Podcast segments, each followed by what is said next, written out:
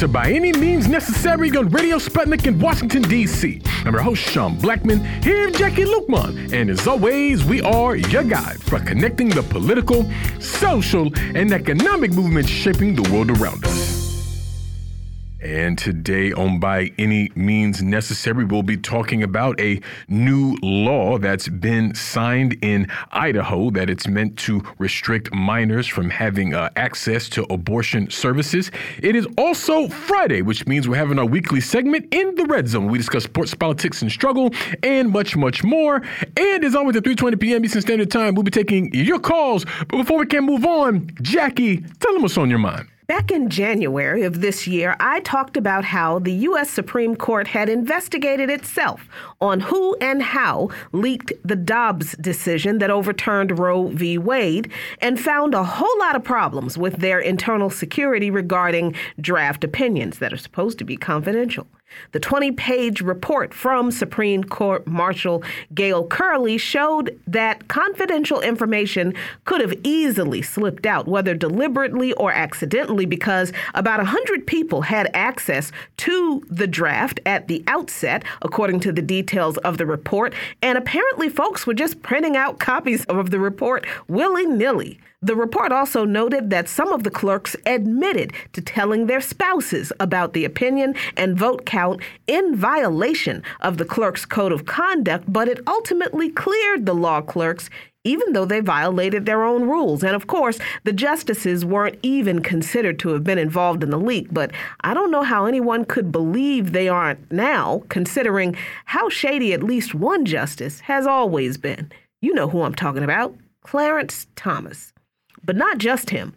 First, we heard about his wife, Ginni Thomas, who, unlike other Supreme Court justice spouses who seem to just these spouses and who I guess try to stay away from politics to avoid the appearance of a conflict of interest. No, Ginni Thomas privately pressed White House Chief of Staff Mark Meadows to pursue efforts to overturn the presidential election in 2020, and she sent emails urging swing state lawmakers to set aside Joe Biden's popular vote victory in awarding electoral votes. Now, this was revealed in 2020 by the Washington Post, which raised some calls for Thomas Clarence Thomas, that is, to remove himself from the Supreme Court since his wife was actively pushing for political support for polarizing topics that ended up before the court that her husband served on. A clear conflict of interest, but it didn't stop her from going on to lead a conservative activist group called Crowdsourcers for Culture and Liberty that collected nearly $600,000 in anonymous donations since 2019, up until that story was broken earlier this year. And last year, Thomas didn't recuse himself from cases pertaining to the 2020 election that his wife, Ginni, was involved in. While his decision not to remove himself from the Supreme Court generated outcry, it could not be appealed. Why? Well, because despite what politicians say, there are people who are above the law in this country, and clearly the Supreme Court justices and their families are among them. Oh, and then you may have missed that in December last year, evangelical minister Robert L. Schenck testified before the House Judiciary Committee hearing on ethics rules that he recruited wealthy Christian couples to serve as, quote, stealth missionaries, end quote, at the Supreme Court for about two decades, forging friendships with conservative justices to bolster their views, particularly on abortion, for 20 years. In written testimony submitted prior to the hearing, Schenck said that he encouraged his recruits to use tactics like donations to the Supreme Court Historical Society to meet justices to develop deeper relationships with them to achieve their objective. Some of those recruits even wrote amicus briefs in cases before the court describing the mission of the influence campaign he named Operation Higher Court for the Supreme Court, Schenck said, quote, Our overarching goals were to gain insight into the conservative justices' thinking and to shore up their resolve to render solid, unapologetic decisions. Schenck also told the New York Times that Operation Higher Court succeeded in breaching the court's code of silence, alleging that stealth missionaries Gail and Don Wright learned the outcome of the high profile 2014 religious freedom case involving Hobby Lobby while they had dinner at Justice Samuel Alito Jr.'s house before the opinion was released.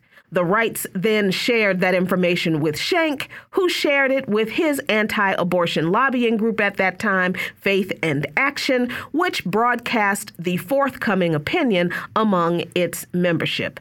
As a side note, Schenck has apparently repented from his views on abortion and gun rights, but the damage that his actions have done, well, I don't know that there's enough penance for that.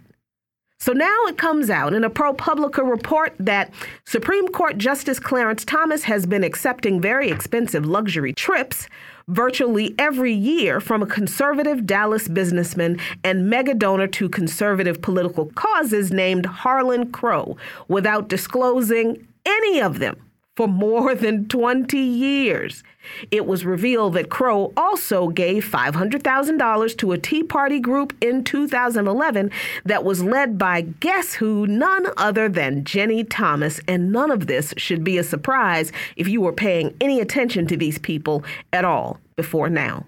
The New York Times reports that in response to these new revelations, Democrats are yet again calling for tighter ethics code regulations, but I'm sorry, adding some rules to require gift disclosures and prohibiting large gifts here and there, it's not enough. It is obvious that the Supreme Court is a corrupt institution that is not immune from political influence. Clarence Thomas and his wife are the quintessential activist justice and spouse pair, and conservatives are clearly not interested in the rule of law since they wantonly flout it at every opportunity to achieve their culture war goals. Rules just don't apply to them, and as much puritanical hogwash that they direct at the poor about how we should live, I've never met a conservative political activist who didn't believe they didn't deserve a five star dinner or a fancy, expensive gift, as long as it was part of their crusade to influence the culture with their Christian American values, of course. But this doesn't let the Democrats off the hook, whose only response to these egregious acts of political insider trading and conservative influence peddling is to call for more rules. That's spineless, but Democrats are just as guilty of accepting largesse from corporate donors to sell out the working class for the CEO's interests. No, what needs to happen is that the Supreme Court in this country, clearly a corrupt institution that cannot be trusted to dispassionately and independently interpret whatever that Constitution is without political or special interest bias, it needs to be abolished. With nine justices who are not elected by anyone making decisions that affect millions of people, it's not a democratic institution in the first place, and it never was. The money and political activism is just evidence that they're politicians just like everybody else on Capitol Hill, which means they are not representatives of the people. The Supreme Court in the United States is not what democracy looks like. Follow Luqman Mon Nation on patreon.com slash Luqman Mon Nation for lots of great content. And those are today's talking points. And you I listen to By Any Means Necessary on Radio Sputnik in Washington, D.C. I'm your host, Sean Blackmon, here with Jacquie Luqman. And as always, we're your guide for connecting the political, social, and economic movements shaping the world around us. By any means necessary. And we're going to keep the movement moving on, as they say. We're now happy to be joined by Dr. Jodi Dean, professor of political sciences at Hobart and William Smith Colleges, and co author of Organize, Fight, Win Black Communist Women's Political Writing. Dr. Dean, thanks so much for joining us.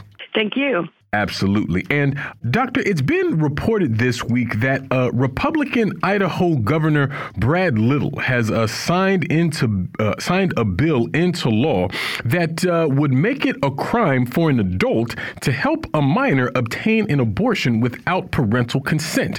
And I was hoping you could help us understand uh, uh, the substance of this bill and how it factors into this ongoing attack on abortion rights here in the U.S. Sure. It's a really terrible law. And I want to say a little bit about it. And I also want to put it in context, we need to keep in mind that there are now something like 13 states that ban most abortions. And how they do it legally, the different crimes they associate with, is right now in this completely dispersed and chaotic and patchwork um, phase. And so each one of these new state level laws that comes through is kind of like an experiment. It's like the anti-abortion movement is at this dispersed and experimental phase and they're throwing everything out there to see what they can get to stick. So this Idaho, Idaho law gives a two to five year prison sentence for anyone who helps a minor get an abortion or abortion pills by going out of state. And so what it lets what it lets happen is that anyone can file lawsuits against doctors who perform abortions even if the doctors are out of state and if local attorneys say, well, this is ridiculous, we're not going to bring charges against out of state doctors, the Idaho Attorney General can enforce the law. So, so you don't even have lo- local prosecutors can refuse, but the Idaho Attorney General can still do this. So what's happened is that um, adults cannot take minors out of state for an abortion. Now, some people might think, well, you know, maybe that makes sense. It doesn't make sense. And it doesn't make sense for a couple of reasons. Sometimes these minors have been raped, right? They've been in abusive family relationships and, or maybe the family is just too, you know, their, their views on the um, person's right to choose and right for, to bodily autonomy really don't mesh up with the person's experience. And so this prevents any adult who wants to help out someone from going across state lines. Now, people might be thinking, well, isn't it a con- isn't there a kind of constitutional right to be able to have movement across state lines? And weren't we told after the Dobbs decision overturned Roe v. Wade, weren't we told, well, this isn't going to affect travel? The way Idaho's working around this is saying like, well, only the travel to the border is illegal. So that's the travel part. Once they get off the border, that's not considered illegal but people can still bring civil lawsuits against the people who are traveling with the minor as well as against doctors in other states. The person who drafted this law is a woman named Megan Wold and she's a lobbyist for the Right to Life Idaho group and a former law clerk from Supreme Court Justice of Supreme Court Justice Samuel Alito, who people will know wrote the Dobbs decision. So a couple of sort of takeaways on this is that the the right-wing anti-abortion forces are aligned with each other. They communicate with each other. It's it's not out of hand to say it's it's basically like a plot, right? Like they make plans, they they share their information, they work with each other, and they're trying all of these kinds of restrictions all over the country. Um, and so this one is the first one that prevents um, someone from le- that tries to make it a crime for leaving the state. And just to to make it this kind of make sense at an everyday level, um, you know, back in the 70s, um, my mom helped my best friend go to another state for an abortion. Um, this is completely completely true. We were like 15, 16 years old, and my friend Joni couldn't um, talk to her parents, and so she came to us. And my mom took her ne- to the next state over. We lived in Alabama. We went to Florida. No, no questions asked. It was just like this is what she needed. This would have made my mother a criminal. And it's going to make anyone who tries to help another person get an abortion in Idaho into a criminal. One last thing, one of the ways they're doing this is by making up a law making, I'm sorry, making up a crime, which they're calling abortion trafficking. And it involves a sort of make-believe scenario where people abduct you know, girls and force them into secret abortions. It's just, it's totally crazy town the way they're making up this and making up this in the context of one of the states in the country with the highest, with one, some of the highest maternal um, mortality rates. Like maternal um, um mortality rates in Idaho are really hard They didn't even start tracking those until 2019, and now funding for tracking maternal um, mortality is even being cut. So the situation in Idaho is terrible, and it's also not limited to Idaho. Yeah, Dr. Dean, and the governor, Brad Little, who signed this bill into law, uh, did so shortly after he approved legislation that bans gender affirming care for transgender youths and makes it a felony for doctors to provide that care to And, and it seems to me like this is a thinly veiled, uh, this, this entire effort, the, the abortion law, the ban on uh, transgender affirming care for youths. This seems to me like a thinly veiled attempt to suppress women and, and and it just it just doesn't feel or look like the the attempt to uh, support parents' rights and to protect children that they always claim these kinds of legislations really are. But it just it just looks and feels like more gender oppression. Oh, Jacquie, that is so right. You're so right. It's it's really mechan- um, weaponizing the health care to use against women um, to use against people who need gender affirming care, people who need abortion care. It's medical. I mean, just think if we had a national health system that provided every person the care they need, the care that they and their doctors talked about that they need, this wouldn't be able to happen, right? It wouldn't be possible for a state to deny medical care to um, families who want to help their trans kids or to families and people who want to make sure that they're making the, the, the family planning and um, childbirth decisions that are best for them. They wouldn't be able to do it. And it's really an attack on on women, an attack on trans people in the name of helping families. But but I mean that's not what families are asking for, right? Families want to make sure that they can put food on the table and that they're not you know De, you know, denied like heat and stuff because of high inflation. But instead, it's this make-believe celebration of families when it's not even a celebration of families; it's harming families. Yeah, definitely. And I mean, as you say, I mean, uh, the right wing I should say the far right wing phrases its uh, uh, a sort of stance on uh, abortion rights as you know protecting families and things like this, but uh, in reality, it's just a thin veneer, like we're describing, and like that that, that personal story that you shared a moment ago, uh, uh, Dr. Dean. I mean, I feel like that's the reality of the impact of just these kinds of laws, to where it it closes off the avenues and paths to services, particularly for I think young girls uh, and women who are in uh, some of these very difficult situations and maybe aren't able to uh, uh rely on some of the other uh, adults in their life. And, you know, uh, we've been seeing, of course, I mean, there's been this attack on abortion rights, this right wing campaign against abortion rights for, for decades at this point. And it feels almost as if the right has kind of finally reached this moment that it was waiting for.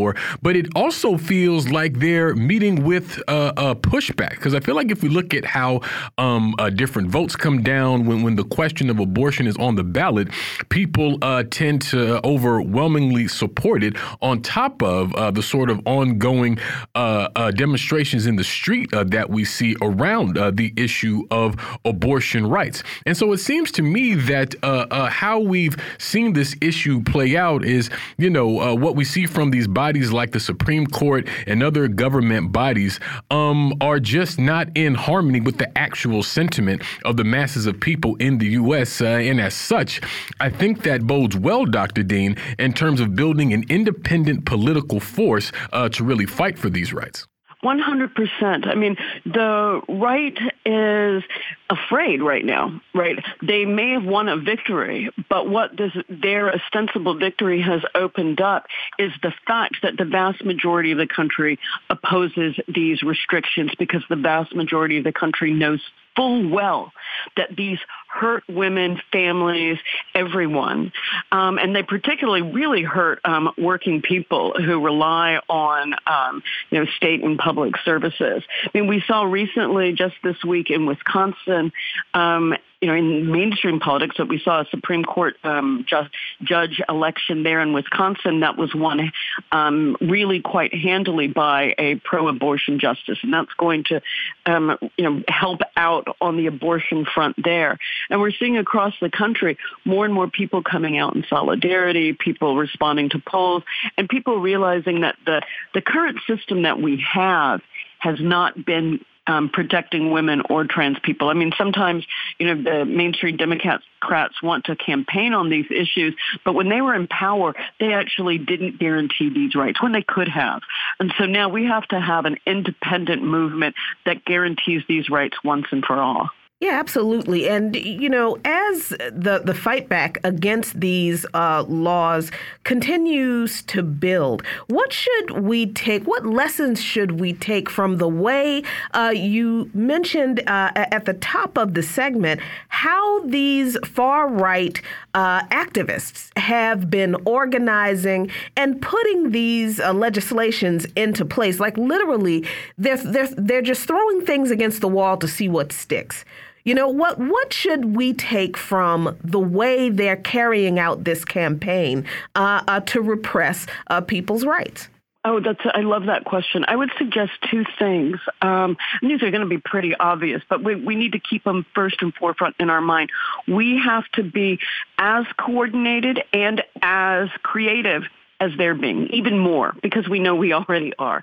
So that means we have to make sure that we are coordinating the knowledge that we're learning from different struggles um, all over the country and really all over the world, right? I mean, there are countries like like Cuba, for example, has passed um, family laws that are so much better than anything that we have um, in the U.S. But we need to learn from the experience of the movements internationally and domestically what's working, and then we have to think boldly. Okay, how can we stop this kind of initiative? What are the kinds of networks of solidarity, the political networks, the activist networks that we can bring into being and that lets us protect people in need of health care and then actually go further by getting it, securing it once and for all.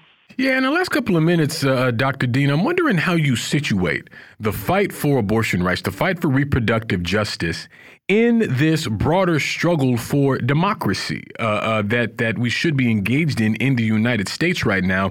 That's uh, attacking people's fundamental basic rights on a number of levels, whether we're talking about abortion rights or uh, uh voting rights, attacks against uh, the transgender community, and uh, uh, uh, so on. Because it seems to me that the common thread through all these issues is the issue of capitalist exploitation. and as such, when we talk about building this movement for democracy, that it will ultimately have to address itself to that system, you know? I absolutely agree. I mean, you know, with the Dobbs, what happened with the Dobbs decision is that in with one decision, half the country got second class status. I mean, that's just true. Women lost an ability to make their own choices about reproduction and became basically victims of a system state by state, a system that's now not even a system, it's chaos. It is legal chaos. And the same thing has been the, is the case for all basic kinds of rights that people have when they are accosted by the police, when they get into the police system, um, when they do they have rights to vote. So many people think, even though it's not true, they think that they have to show IDs in some states because of the ways that those states have failed to protect really basic democratic rights. So folks who think, oh, we've won everything, it's fine, are, aren't paying attention because there is a major attack on democratic rights that's being bought by, basically by the far right, by capitalists who want to secure basic possibilities of exploit of exploiting labor to secure their profits that we've seen also in the news um, in the past few weeks. The um, the fact that employers are using lots and lots of 12 year olds in labor, like that's the the basic laws that we thought that the labor movement had secured are gone away in part because of the um, attack on unions that's happened for the last 30 or 40 years.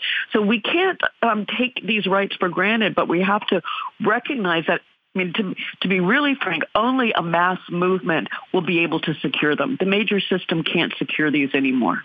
Absolutely. Well, we thank you so much, Dr. Dean, for joining us today. We're going to leave it there. We'll move to a break here on By Any Means Necessary on Radio Sputnik in Washington, D.C. We'll be right back, so please stay with us. By any means necessary.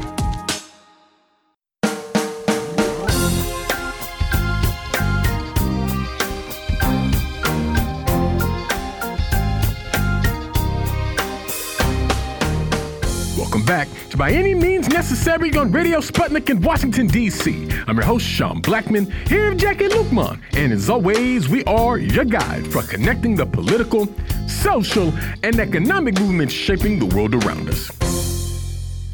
And it's Friday, which means it's time for another edition of our weekly segment in the Red Zone, where we discuss sports, politics, and struggle with Miguel Garcia of the Anti Conquista Collective, also the host and creator of the Sports as a Weapon podcast. Miguel, thanks so much for joining us.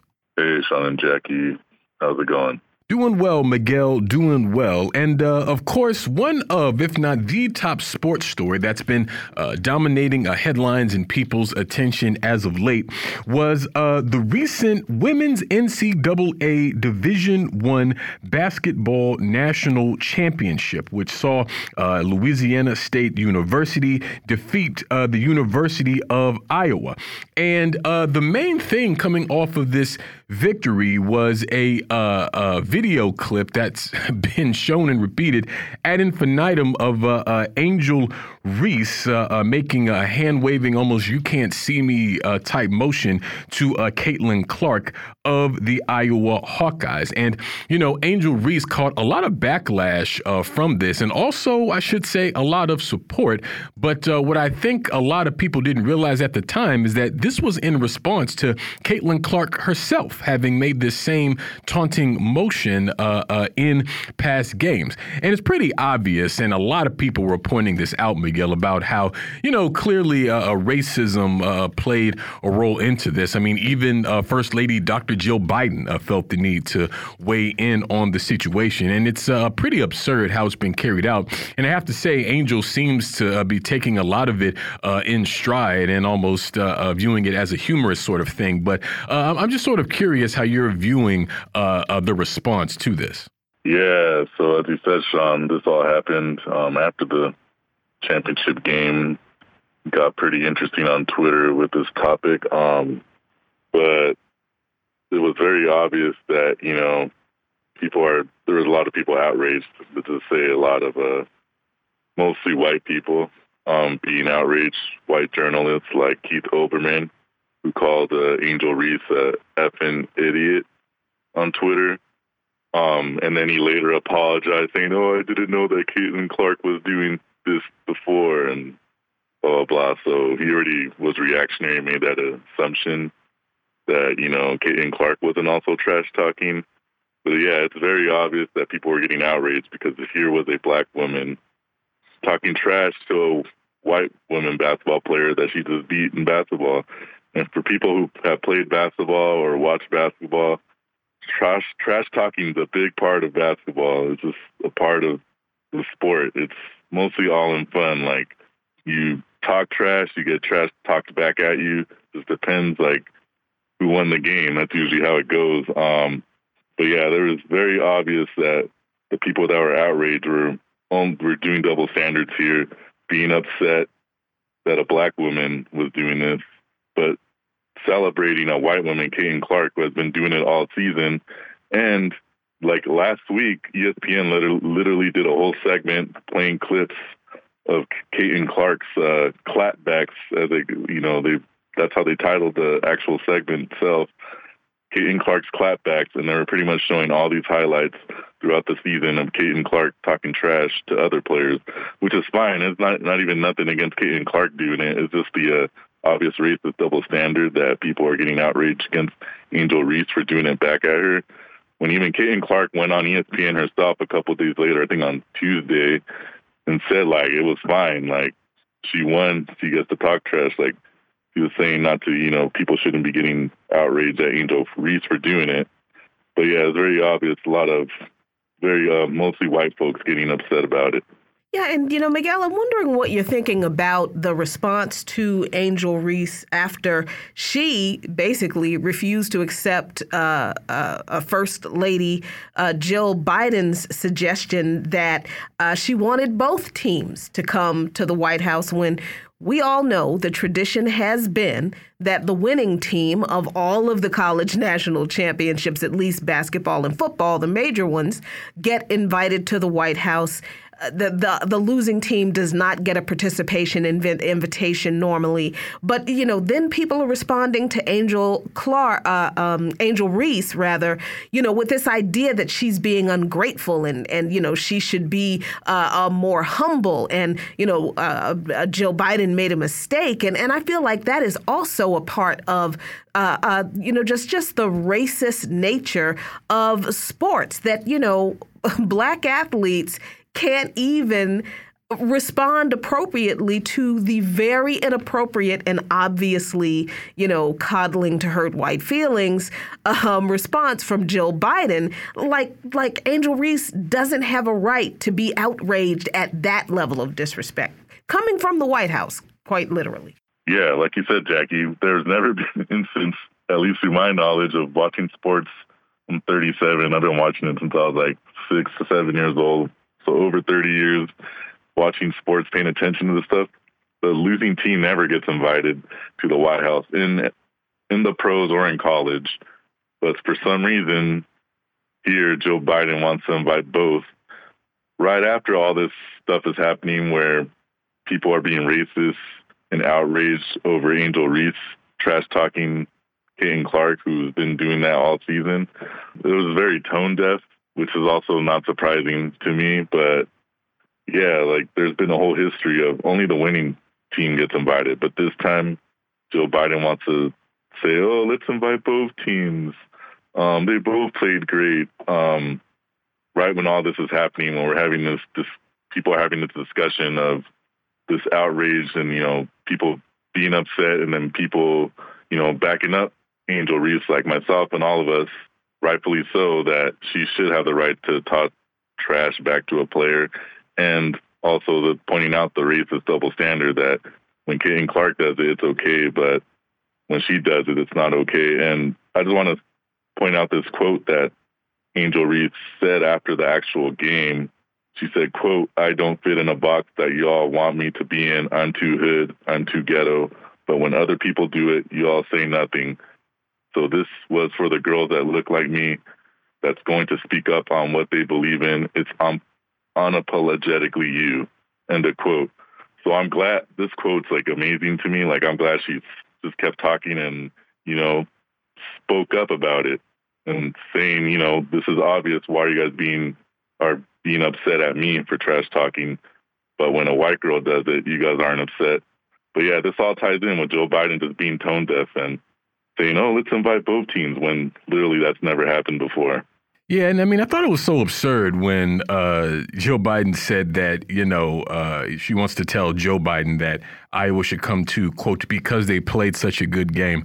Yeah, you know, newsflash, Dr. Biden, every team that makes it to the, the Division One championship plays a good game. That's how they got there, but that, that that's not the point. And so, yeah, that whole thing was so silly. And I agree with you, uh, uh, uh, Miguel, that, you know, I'm glad that Angel felt confident enough uh, to, you know, push back on that and highlight the obvious uh, uh, double standard. But speaking of the Biden White House, there is a proposal from the Biden administration legislation um, that, to my understanding, would forbid outright bans on transgender athletes, but does allow for teams to create uh, certain limits around that issue. And we've been following this uh, uh closely here on the show. This um, uh, deepening discrimination against the transgender athletes, which we see as part of a broader far right campaign, frankly, a terror campaign against uh, the transgender community. But Miguel, we were hoping you could break down uh, uh, this proposal and what it really means. Yeah, so this just came out yesterday on Thursday, a proposal from the Biden administration that would forbid schools and colleges from banning trans athletes. It would establish this rule along, and it would add it to the Title IX legislation that was created in 1972 for gender equity legislation when it comes to things like this, like sports but yeah, so this came out and it sounds good, but when you actually read some of the details of this uh, proposal, like you said, Sean, it leaves some exemptions, right? And so to me, it's kind of like a fool's gold uh, window dressing. Like they make it sound good, you know. If teams, pretty much, if a school or college receives federal funding, they wouldn't be allowed. They would be allowed to impose a one-size-fits-all policy that would outright uh, that would outright ban schools from like banning trans athletes from playing in high school and college, but the exemption leaves like a lot of room for pretty much that discrimination to keep going. So like I'm saying, it's fool's gold. The exemptions include like a school could create a team eligibility rules that could include like the reasons could include fairness and competition. So they could say, oh, this has been an issue in sports, uh, a particular sport like wrestling. So they could say like, oh, this trans girl is playing on the girls wrestling team and is having an unfair advantage because you know the right wing talking point is they're biologically male, so they have an advantage. So even in this this this law that they're trying to put in place from the that the Biden administration is trying to put in place, it leaves that room for schools to make these eligibility rules. They could just say, "Well, it's out of fairness. It's not fair," and so they could still create their own rules around it and pretty much just ban the uh, the trans athlete. So it's getting a lot of criticism from people that are actually looking into this uh, proposal and actually reading the details. That it's just it's pretty much window dressing. It's just it just sounds good, but it looks like it, will still create it'll leave a lot of room for schools to uh, make up whatever rules they want when it comes to tra- uh, trans athletes. Yeah, and that is really dangerous, Miguel, because some of the rules that are being made up right now include something that is really just, I, I, can't even think of the word that we can say on air, just really repulsive. The, the idea that that school boards, uh, you know, st- sports uh, um, uh, officials in public schools, coaches, I don't know, d- school doctors, school nurses, whomever, uh, will be able to basically inspect students to determine what their gender is in order to allow them to play. These are some of the kinds of uh, uh, regulations that are being uh, uh, uh created around transgender students, like uh, the the law in West Virginia that the Supreme Court refused to actually uphold, which allowed trans girls to run in track in West Virginia. But there are other laws, other laws against transgender students that include these kinds of requirements uh, for, you know, gender inspections of middle school and high school children, maybe even elementary school children. And the Biden administration couldn't even talk about that aspect of this in their compromise with these people. Yeah, so as you mentioned, there's these other rules in other states. I believe there's currently 16 states that have some sort of transgender ban when it comes to high school sports. And as you mentioned, Jacquie, there's already, I can't remember the exact state, it might have been Florida or Kansas, but where the, the doctors are be, going to be able to look at children's, you know, look at their actual genitals to prove if they're able to play in sports, you know, in whatever sport, if they're a trans athlete. That's just crazy. Um, a lot of the right wing folks are all in outrage about trans people being, you know, a threat to children and all this other stuff. But then here comes a law in one of these states where they're going to allow doctors to inspect children's genitals just because of their fear of trans people. Um, when it comes to in all aspects of life, but in this case with sports, and the Biden administration is leaving this whole inter- room for interpretation with this law that sounds good. Um, it just going to keep the floodgates open for the attack on trans trans people in this country.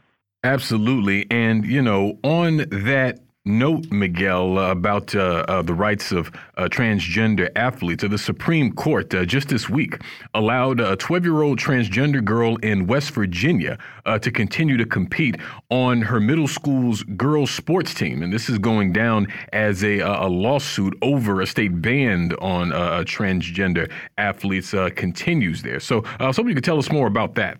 Yeah, so this came pretty much the same day as yesterday. So this comes down yesterday as Biden administration releases this proposal that supposedly, you know, is pro-trans.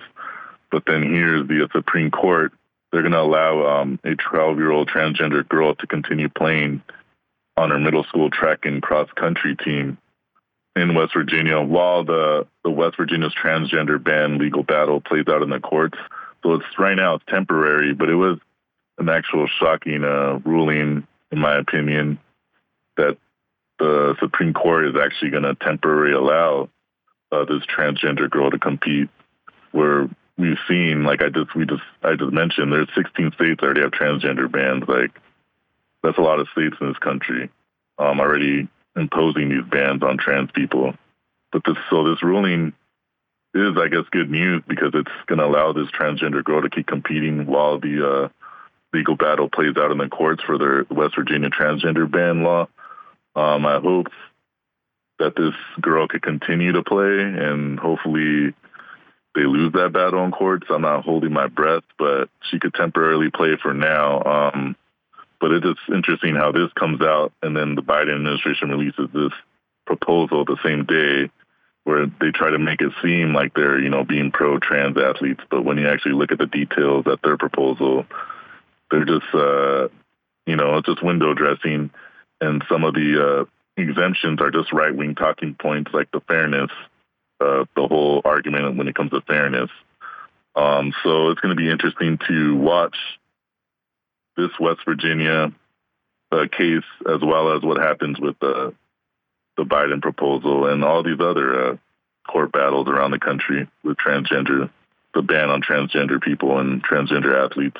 Yeah, absolutely. And uh, a part, an aspect of this case, uh, which involved a 12 year old girl, and it just, it just really ticks me off, Miguel, that a 12 year old child had to uh, file a lawsuit so she could just be a kid and enjoy sports in school like other kids did. But she she did. She filed a lawsuit uh, to allow her to continue competing on her middle school girls sports team where she regularly finished near the back of the pack. So, you know, this this very idea that transgender athletes have this biological innate uh, uh, um, um, what was the word I'm Advantage. looking for? Advantage. Thank you. Over over traditional or biological girls. That just destroys this very case. And and just the actual reality of trans athletes, particularly trans women and girl athletes in sports flies into the face of this idea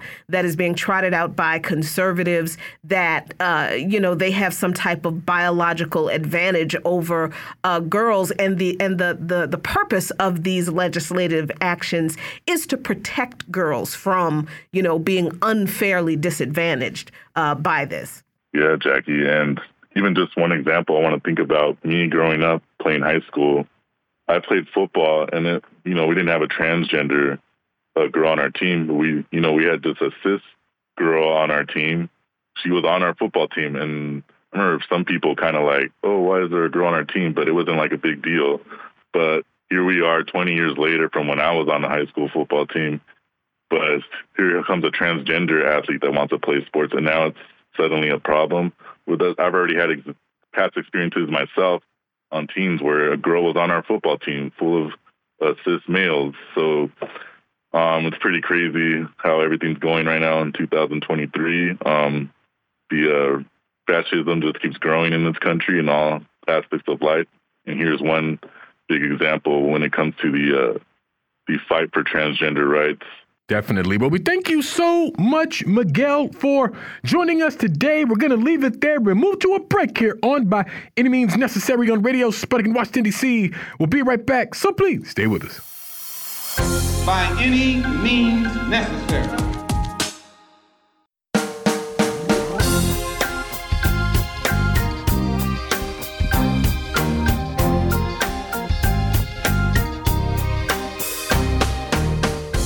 Back to By Any Means Necessary on Radio Sputnik in Washington, D.C. I'm your host, Sean Blackmon, here with Jacquie Luqman. And as always, we are your guide for connecting the political, social, and economic movements shaping the world around us. And today we're talking about how millions of people in the U.S. are poised to be kicked off of public health benefits. And we're happy to be joined for this conversation today by Dr. Margaret Flowers, co founder of Popular Resistance and director of the Health Over Profit for Everyone campaign. Dr. Flowers, thanks so much for joining us. Thank you for inviting me. It's great to be with you, Sean and Jacquie. Absolutely. And it's great to have you, Doctor. And uh, Dr. Flowers, here soon, about 15 million people uh, will be phased out of receiving Medicaid and uh, Children's Health Insurance Program benefits, also known as CHIP, starting, I believe, uh, at the uh, uh, beginning of uh, April. So it's already been happening, going through May and July. And uh, uh, reportedly, the Biden administration will be ending the COVID 19 public health emergency declaration on May 11th.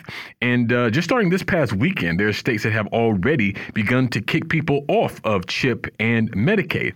And this is just well, I mean, it's very obviously just a terrible thing uh, to do uh, to kick this many people uh, off of health benefits that they obviously need. But it also fits in with some uh, uh, other similar moves that we've been seeing from uh, the Biden administration in terms of ending uh, um, uh, enhanced SNAP benefits and all of these sorts of things. I mean, measures that were literally keeping people out of poverty. And on top of the fact that the pandemic is still very much going on, it is not something that has magically ended in the U.S., contrary to the pronouncements from Joe Biden Biden himself. But uh, just sort of curious your top line thoughts, Doctor, about uh, this this development. Yeah, thank you for raising this because I think it's something that's really important to, to talk about. And I think, isn't it so interesting that it was under the Trump administration that they uh, expanded these Medicaid benefits? The requirements were that they couldn't kick anybody off during the public health emergency and they couldn't restrict the benefits any further. So that's pretty generous under the Trump administration. And then we see the Biden administration, uh, you know, doing the opposite in, in September of last year when Biden basically de- declared the pandemic was over. That was then used as justification to end the public health emergency. I think it was the Republicans were moving to, to end this and Biden beat them to it, did it by, you know, executive order. So here we have, you know, about 9 million people who are going to lose their benefits because they no longer qualify. You have to be extremely poor to qualify for Medicaid. And then another, you know, 6 million are going to be losing their benefits because the process of enrolling is so uncoordinated that people get disenrolled even when they qualify. And in fact, when I was uh, in Colorado once uh, working on, you know, advocating for national improved Medicare for all, and I met with a state senator who was a physician, and she said, yeah, we calculate that. We know when we're, you know, doing these Medicaid regulations that the way they're written, a certain number of people who qualify won't be able to be enrolled, and that saves us money. How cruel can you get? But yet we have the Biden administration you know, sending, asking for billions of dollars for war. And as you said, the basic needs of the people are denied. And, you know, this move is, of course, tied to the Biden administration basically declaring that the COVID pandemic was over. Um, and it's not just uh, people who receive uh, uh, additional Medicaid and CHIP benefits who will, who will be affected. But there are other health care benefits that were tied to the COVID 19 state of emergency uh, funding and programs that came out of it that will be affected, that will disproportionately affect uh, working class and poor Black and Indigenous people and children. What were some of these other programs that now these people will not have access to? Right, right. So under the, you know, when the public health emergency ends, uh, free testing for COVID 19 is going to end. Um, free vaccinations are going to end. And actually, the vaccine companies are vying to, to, you know, raise the cost of those vaccines way beyond what the government was paying for when they bought them in bulk. And let's remember that it was also the government that invested billions of dollars in research to produce these vaccines. But now that those private sector pharmaceutical corporations are going going to benefit from, you know, profiting off of this public investment. Um, and then, you know, treatment. There was, you know, people who uh, have COVID under the public health emergency received free medication and nobody could be denied treatment for it. So that's going to change, and that means that, you know, as you said, the, the pandemic continues. We've been having about 20,000 new documented cases a day, but we know that reporting has been severely reduced, so we really have no idea what the actual number is. But if you look at hospitalizations and deaths for COVID, it's still very much alive, and there are hotspots around the country where those hospitalizations are rising. Yeah, and what what's frustrating uh, about this, doctor? I mean, besides the obvious, is just that there is just no good reason to kick 15 million people off of these benefits that they obviously need. Same reason that there's no good reason to uh, kick people off of these uh, those enhanced SNAP benefits and and all of that. And uh, we're talking about uh, uh, people, uh, mainly you know poor and working people who really need just these types of benefits. And so the only real reason uh, uh, that I that I could come up with anyway for in terms of why these things are ended is uh, because frankly to continue to support people in this way to continue to provide uh, these most uh, basic resources is simply not profitable. The the interest of humanity the interest of human beings and their needs run completely contrary to the interest of a capital and a corporate profit. And so even though the Biden administration by and large uh, advertised itself as, you know, a corrective to, you know, the reactionary and cruel uh, uh, nature of the Trump presidency. I mean, it seems that it's uh, really continuing in this legacy of a cruelty, even if it's doing so in a somewhat more polite package. Well, and, and that's what we have in the United States, right? We have two political parties who may say some different things, but in the end, they both serve the corporate interests and the interests of the wealthy over the needs of the people. I mean, this is egregious. This is, you know, as you said, mostly the people who are going to be impacted, children, are going to be impacted, the most vulnerable of our population, uh, as well as young adults, 18 to 34. A large proportion of them are going to lose their health benefits. And, you know, when people have access to health care, when they have access to adequate food, uh, housing, people are healthy, they're strong, they're empowered, they can take action to fight back against this assault on their basic rights. And that's something that the power structure doesn't want people to have. They want people working many jobs, stressed out, tired, fighting just to survive, uh, so that they're more focused on that while the wealthy class, you know, basically robs us of our resources.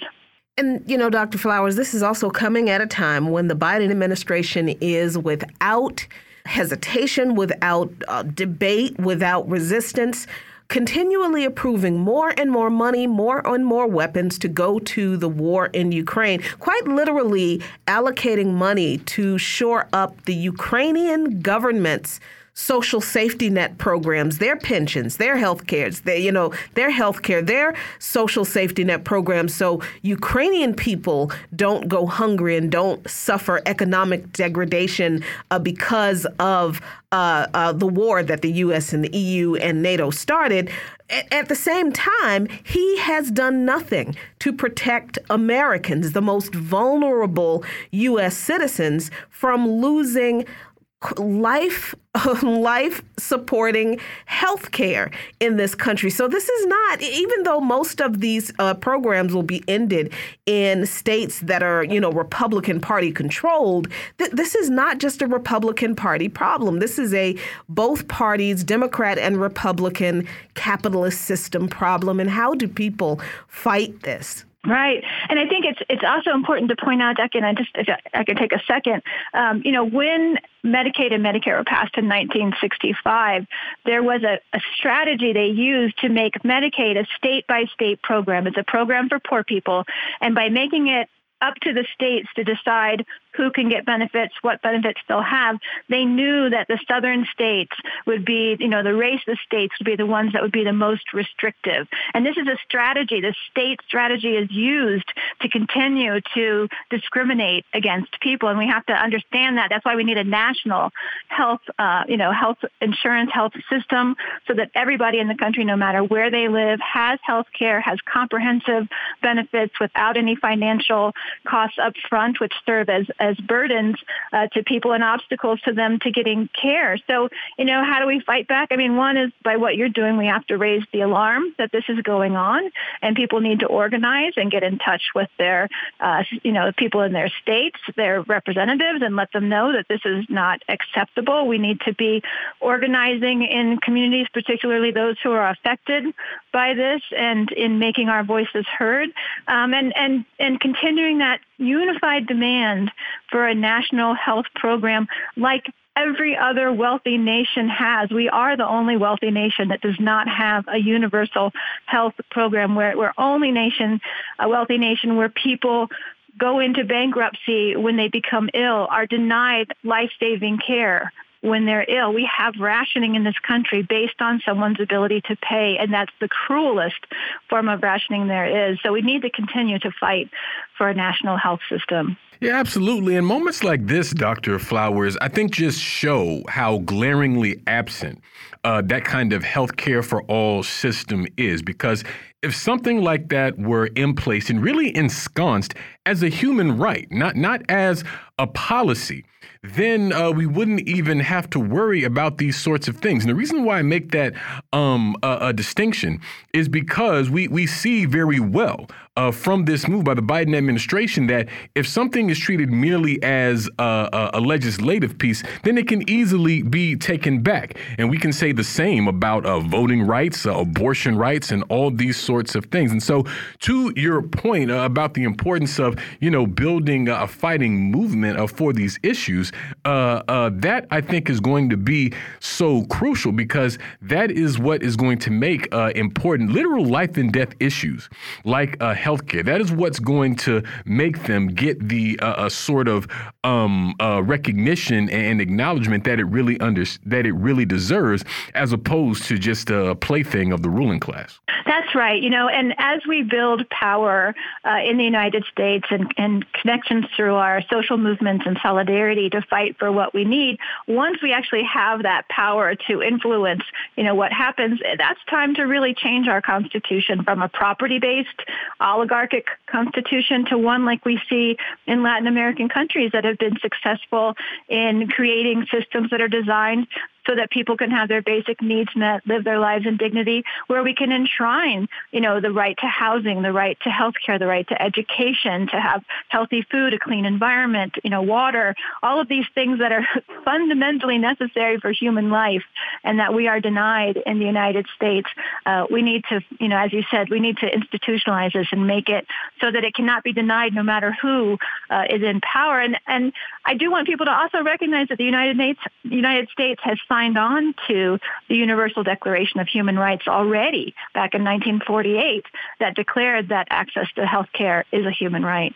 Yeah, and you know, Jacquie, uh, uh we begin this conversation uh, sort of talking about just the, the fundamental cruelty of this uh, kind of measure. But I think it's important that we see the cruelty of this maneuver by the Biden administration as part and parcel of the cruelty of the capitalist system itself. Because as we often point out here on the show, uh, uh, the whole goal really of capitalism is to maximize profit at any cost. So if that means that 15 million people, including children, um, will be without this for the sake of uh, that profit uh, uh, motive, well, then so be it. This is simply the cost of doing business from the standpoint of the ruling class who never have to worry about uh, uh, health insurance, who never have to worry about um, medical care and things like that for themselves, for their families, or their children. And as such, I think this is why building that kind of people's movement is just so important. But we want to thank you so much, Dr. Flowers, for joining us today. We're going to leave it there and move to a break here on By Any Means Necessary on Radio Sputnik in Washington, D.C. We'll be right back, so please stay with us. By any means necessary.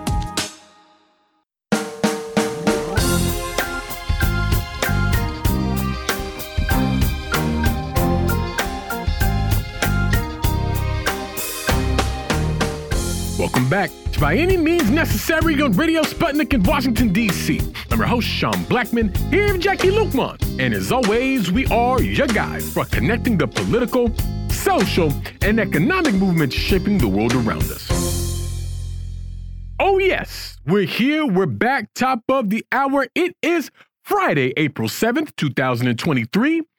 And of course, in 20 minutes, you'll be able to give us a call here by any means necessary to give us your thoughts, ideas, questions, or concerns about anything you've heard on the show today, anything at all relevant happening on this earth. We want to hear from you. That's not the only way that folks can get in touch with us here on the show. And if you would, please, Jacquie, let the folks know how they can holler at us. That's right, Sean. There are so many ways for our allies, accomplices, and comrades, that's y'all, to reach out and touch us here at By Any Means Necessary. In Washington, D.C., you can do that at 3:20 p.m. Eastern Time by calling us at 202-521-1320. That's 202-521-1320. But you can also listen to our show live on your radio dial at 105.5 FM and 1390 AM in the Washington D.C. area from 2 to 4 p.m. Eastern Time each weekday. And shout out to our friends over in Kansas City, Missouri, listening to us on 104.7 FM, 102.9 FM, and 1140 AM. But did you know you can also listen to our shows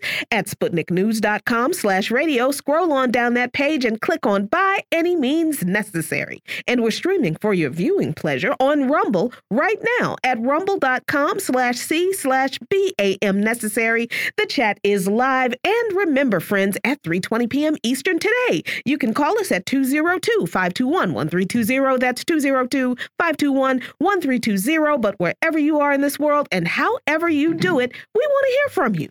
We most certainly do. We most certainly do. And we're very happy to be joined for the hour today by Dr. Jared Ball, a father, husband, professor of Africana Studies at Morgan State University in Baltimore, Maryland, the curator of I Mix What I Like.org, and author of the book, The Myth and Propaganda of Black Buying Power. Dr. Ball, thanks for joining us. Greetings. It's always a pleasure to join you. And just so that I don't be like our dear comrade Kamau, I should also remind folks that I'm also a co founder of Black Power Media, and we encourage people to check us out there as well. So thank you very much. Absolutely. Also, highly recommend people check out Black Power Media on YouTube. And uh, uh, Dr. Ball, as you may be aware here, uh, Twitter recently labeled uh, NPR, National Public Radio, or as a friend of the show, Dr. Jamil Pierre calls it, National Pentagon Radio. But Twitter uh, has recently labeled NPR as state affiliated media and man, they are not happy about it. Gotta say, um, uh, they actually published a piece about this on their, um, you know, their official site. They haven't tweeted anything in three days, interestingly. Um, but uh, the CEO of NPR, John Lansing, uh, said that you know he was talking about the millions of people that uh, listen to NPR and rely on the platform for quote independent fact-based journalism. He said, quote, NPR stands for freedom of speech and holding the powerful accountable. It is unacceptable for Twitter to label us this way. A vigorous, vibrant, free press is essential to the health of our democracy. And there's actually something I thought was an interesting quote that they had from us, this person named Yoel Roth, who was formerly Twitter's head of trust and safety for about eight years. Uh, he uh, resigned from Twitter uh, last November, one of the folks that uh, jumped ship there when they saw Elon Musk coming in, something I think they could hardly be blamed for. Uh, but Yoel said, quote, establishing a false equivalency between public broadcasters and editorial control of media by government is misleading and undermines the essential work of providing transparency about state backed propaganda efforts around the world. And like a lot of people who are upset by this, uh, this article highlights the fact that the actual dollar amount in terms of money that NPR gets from the government is really rather small. But I mean, to me, that's actually beside the point. You could get zero dollars from the government and still be a state affiliated media, uh, in my humble opinion. And of course, you know, to me, I'm sure this is just, you know, Elon Musk just trolling these people. I don't think this was done out of any, you know, uh, you know, for any uh, ideological reason or, or uh, any uh, a desire for fairness or anything like that. But I do think it sort of highlights how these tags on social media, when it comes to uh, uh, uh, state media, is is really weaponized and what they're really for, and it's just sort of give this people um, a kind of scarlet letter. Because when you see that state affiliated media tag, what you're supposed to think is, oh, well, I can't trust anything I see or hear from this because it's you know, state affiliated media, especially if it's associated with, you know, those bad governments like Russia or China or Iran and what have you. And I mean, I could go on and on and on about this, uh, uh Dr. Ball, but as a, uh, a, media scholar and a broadcaster yourself, I'm just wondering how it's striking you. No, I thought it was interesting, and um, I'm in an uncomfortable position of of having at least some nominal agreement with Elon Musk. I mean, it's which is incredibly uncomfortable. But uh, I think you're right. First of all, you're right. He's not doing it to try to make any accurate point about the function or politics of NPR. Um, it's just another ploy to ingratiate himself with the right wing that wants to demonize all existing mainstream media as the enemy, uh, but for reasons that are uh, again, disingenuous and, and without much uh, substance or support. Um, whereas those of us uh, on the left who might have a similar critique in terms of uh, discouraging too much engagement with mainstream commercial media would have uh, a different critique. But uh, even even if starting from the same place that Musk seems to be, that that that NPR is state media. So I'm looking at it right now, and they, according to their own estimates or claims or, or data, NPR says that 39% of uh, its revenue comes from corporate sponsorships, and that's that's by far the greatest, um, you know, that's the largest source of income. Uh, second is 31% with what they define as core and other programming fees, which uh, who knows what that means, but it, I'm assuming it largely means that that's what they get from their subscriber base. Having done my own research on NPR, you know, a little more than a decade ago, uh, admittedly, so it could be updated. Uh, the the to your point, uh, uh, most of the revenue that was coming into NPR, even that which was coming from the subscriber base, was coming from an affluent mostly white, uh, again, e- mostly elite, upper middle class audience with funding coming from Archer's Daniel Mid Archer Daniels Midland and all these other any number of other you know private companies with all kinds of incestuous relationships with military industrial complex, uh, defense contractors, et cetera, and so forth. Um, so to, again, to your point about whether they get direct funding from the state or not, NPR is clearly has been clearly, uh, as is PBS, uh, playing a state function, a national state function. It, uh, I've written previously about NPR saying that they're the equivalent of what Fanon call, described uh, as the role of Radio Algier, in uh, Radio Alger in Algiers during French colonization of Algeria. And that the point being that it was there to give the colonizer a sense of security and a sense of, of justification for their dominance. So everything from, as I wrote about then, from the style of the presentation of the content to the content itself to the arrangement, as we were just discussing, of the finance, finances of NPR, uh, the whole purpose was to target an elite white audience with the idea of giving them national comfort. So again, to me, as you've said, it doesn't matter if they've gotten zero money directly from the state. Um, they are they are clearly here to represent the interests of the state, uh, and that's why we've seen any number. I mean, really, an endless amount of critical studies done on NPR in terms of their content vis-a-vis race, class, etc. And then for those of us in, of a certain po- politics, we would remember, of course, how NPR distanced itself from an initial relationship with the still imprisoned Mumia Abu Jamal. So at no point has NPR ever veered functionally away from state media, uh, uh, state affiliated media. So whether they're called that by Musk, whether they are officially known as such, uh, is is is really beside the point. Yeah, and a, a very interesting aspect of this whole kerfluffle with with NPR just being really, really upset, so upset about what you know amounts to it's just a little label, right? If it were just a little label, that didn't mean anything, NPR wouldn't be this upset.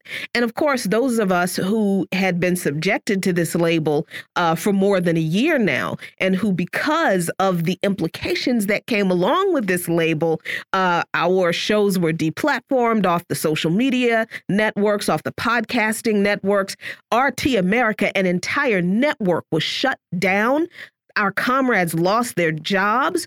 No one, none of these people who are upset about NPR uh, being uh, being uh, labeled as state affiliated media because they do receive some funding from the federal government. None of those people were upset about any of that stuff. And I, am I'm, I'm under no illusions that these folks, random Twitter folks that that they may be, I, I I'm not going to sit here and say they didn't know that it was happening, but I, I think they did exactly what the rest of most of America did and fell for the Russiagate uh, um, uh, uh, lies that led to that kind of thing happening to media outlets being very well and widely accepted. But the thing that has been interesting, Dr. Ball, about the way people have responded to this very basic information about NPR that even they admit, they admit that they get a small percentage, they say it's 1% or less of their funding from the federal government.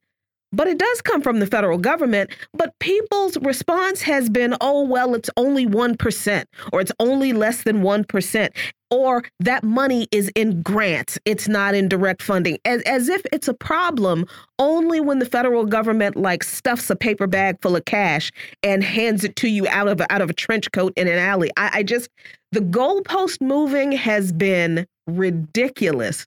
But I, I really do think it speaks to something that we talk about all the time about the ease with which Americans are propagandized and how Americans put a whole lot of stock in these government slash corporate funded outlets without considering the strings that are attached with that money. Oh, absolutely. I mean, so first of all, just in general, the entire commercial media landscape is determined in terms of its content by advertisers uh, more than anything else. So it, it doesn't really matter whether, uh, and those advertisers are themselves dependent upon and, and, and often in direct, involved directly in managing the public policy and uh, direction politically of the country itself. So, in other words, there is really no separation between private and public. There really has never been. Uh, and the, again, incestuous relationship that has always existed between private and public uh, relationships here in the United States continues on to this day at, at a greater degree than ever. So it doesn't. It, this idea that that one would need direct government funding to be to be officially state affiliated is nonsense. All commercial media in the United States is, in fact, or de facto, I should say, uh, state affiliated media. There is no media that is commercial or certainly mainstream that can survive if it is not in league with what the state wants because it is being supported by an advertising community that is itself the state. It is itself uh, uh, involved in writing the policy and then involved in having the state itself involve itself in the creation of content, specifically, as we've talked about before. And I know uh, all of us in our affiliated ways talk about uh, before, which is the creation of uh, so much propaganda and military propaganda through television and film which has literally been penned and edited and produced by intelligence agencies, the Pentagon, uh, in league with corporate and private funders, networks, advertisers. So, so there is, again, uh, I'm going to continue to use the most appropriate word for it, an incestuous relationship between the private and public world. So it doesn't, again, doesn't matter. Now, these, these, these I, I wasn't able to um, uh, find in the last few hours anything more recent. But if you just do a little bit of uh, just a one search or two searches or three or four actually at this point for NPR sponsors, um, admittedly I'm looking at from from the fiscal year of 2008. But if you just look at the list of sponsors from then, I doubt it's changed that drastically. Uh, we find any number of dominant institutions, um, private uh, institutions in this country supporting NPR that they would not be support eh, eh, eh, that would not get the support were NPR not supporting their political interest, which is again represented by the state itself. So whether it's it's Warner Music or or CBS or Columbia University or or uh, the J.S. Frank Foundation and Harriet and Richard Gold Foundation. I mean, it's, it's an endless list. There's so much money pouring in. None of this would be done if these folks weren't expecting a content and a, a performance of the content. Because again, my, what I was looking at at the time was not just the content itself, but the style, which by the way had been lampooned in, in you know, uh, on on Saturday Night Live at one point. That sort of soft toned welcome to Fresh Air with Terry Gross and welcome uh, the morning market report. You know, that, that sort of, it's that soothing tone that you get uh, orally that's meant to, to, to ease the, the, the colonial rule and the, the, the, the settlers' uh, uh, uh, conscience as they go about their, their day. So, so none of this money would be pouring in to the millions and millions of dollars that they get were the content not supportive of this, again, incestuous private public uh, partnership. Yeah, NPR is definitely the like jazz uh, of media. Like if they're, they're, like the elevator music of uh, journalism in that way. I mean, it just puts you to sleep.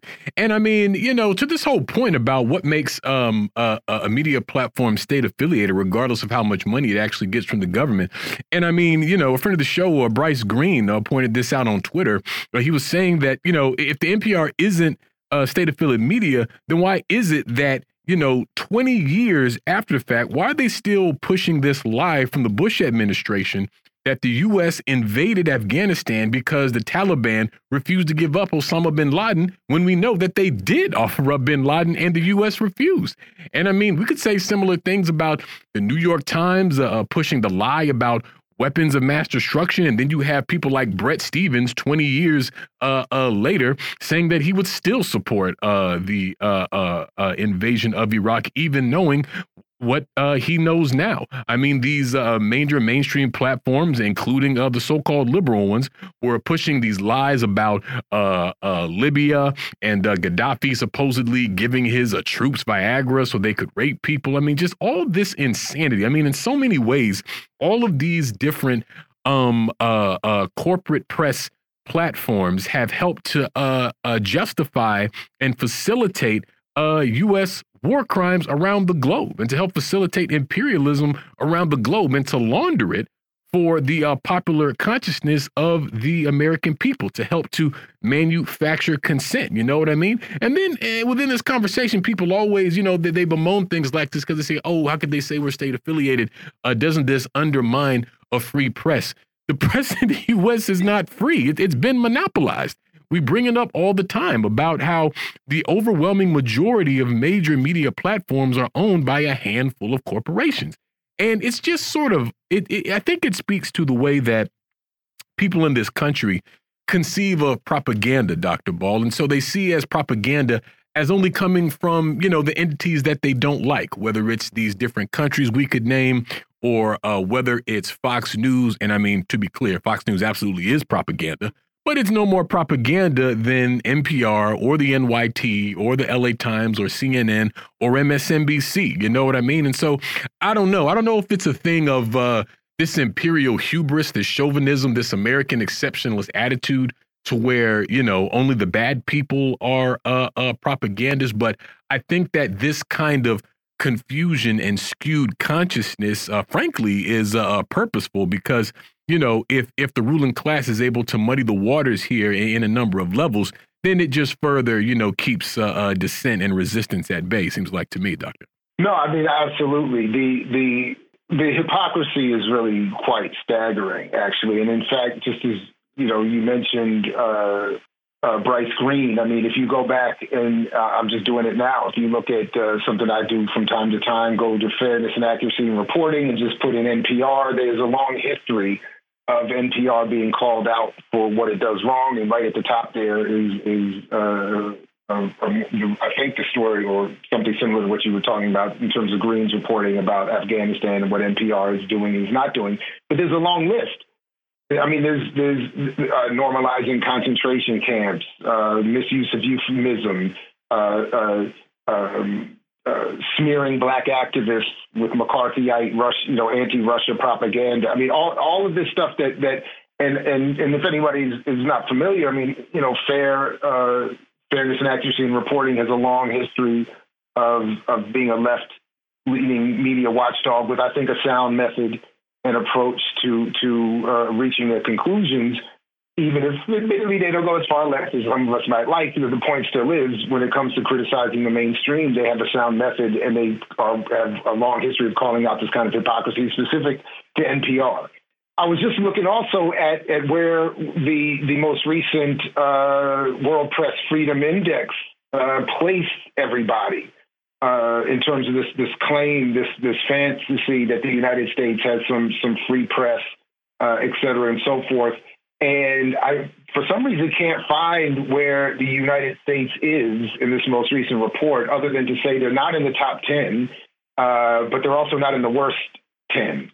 So uh, I'll keep looking, and if anybody happens to know that, of course, they should call in. But but the top ten best countries for press freedom in the last report came out at the end of last year includes uh, number one is Norway, and again, there's no U- U.S. listed, and I don't see them in the bottom ten either. But I'll, I'll try to find where they are. But the point still remains that this idea that the United States has a free press is the most pre- free press. Uh, has the most free press in the world, or that NPR should be aghast at, at its inclusion or it, or the suggestion, the mere suggestion that they are not about freedom and equality is again preposterous. And yes, specifically to your point about the the misunderstanding which is imposed and encouraged about propaganda is that only the quote those people over there do that, uh, and whereas in this country uh, you know, the leadership doesn't engage in that. And we should remember uh, it was during his presidency that Obama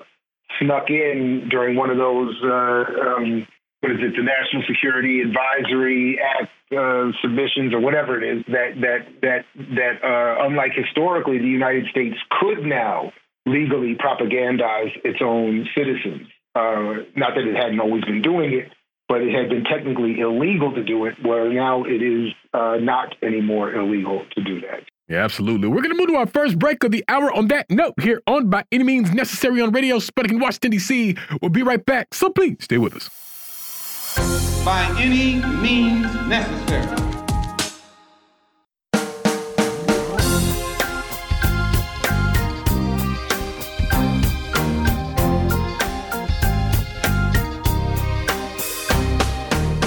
Welcome back to By Any Means Necessary on Radio Sputnik in Washington, D.C.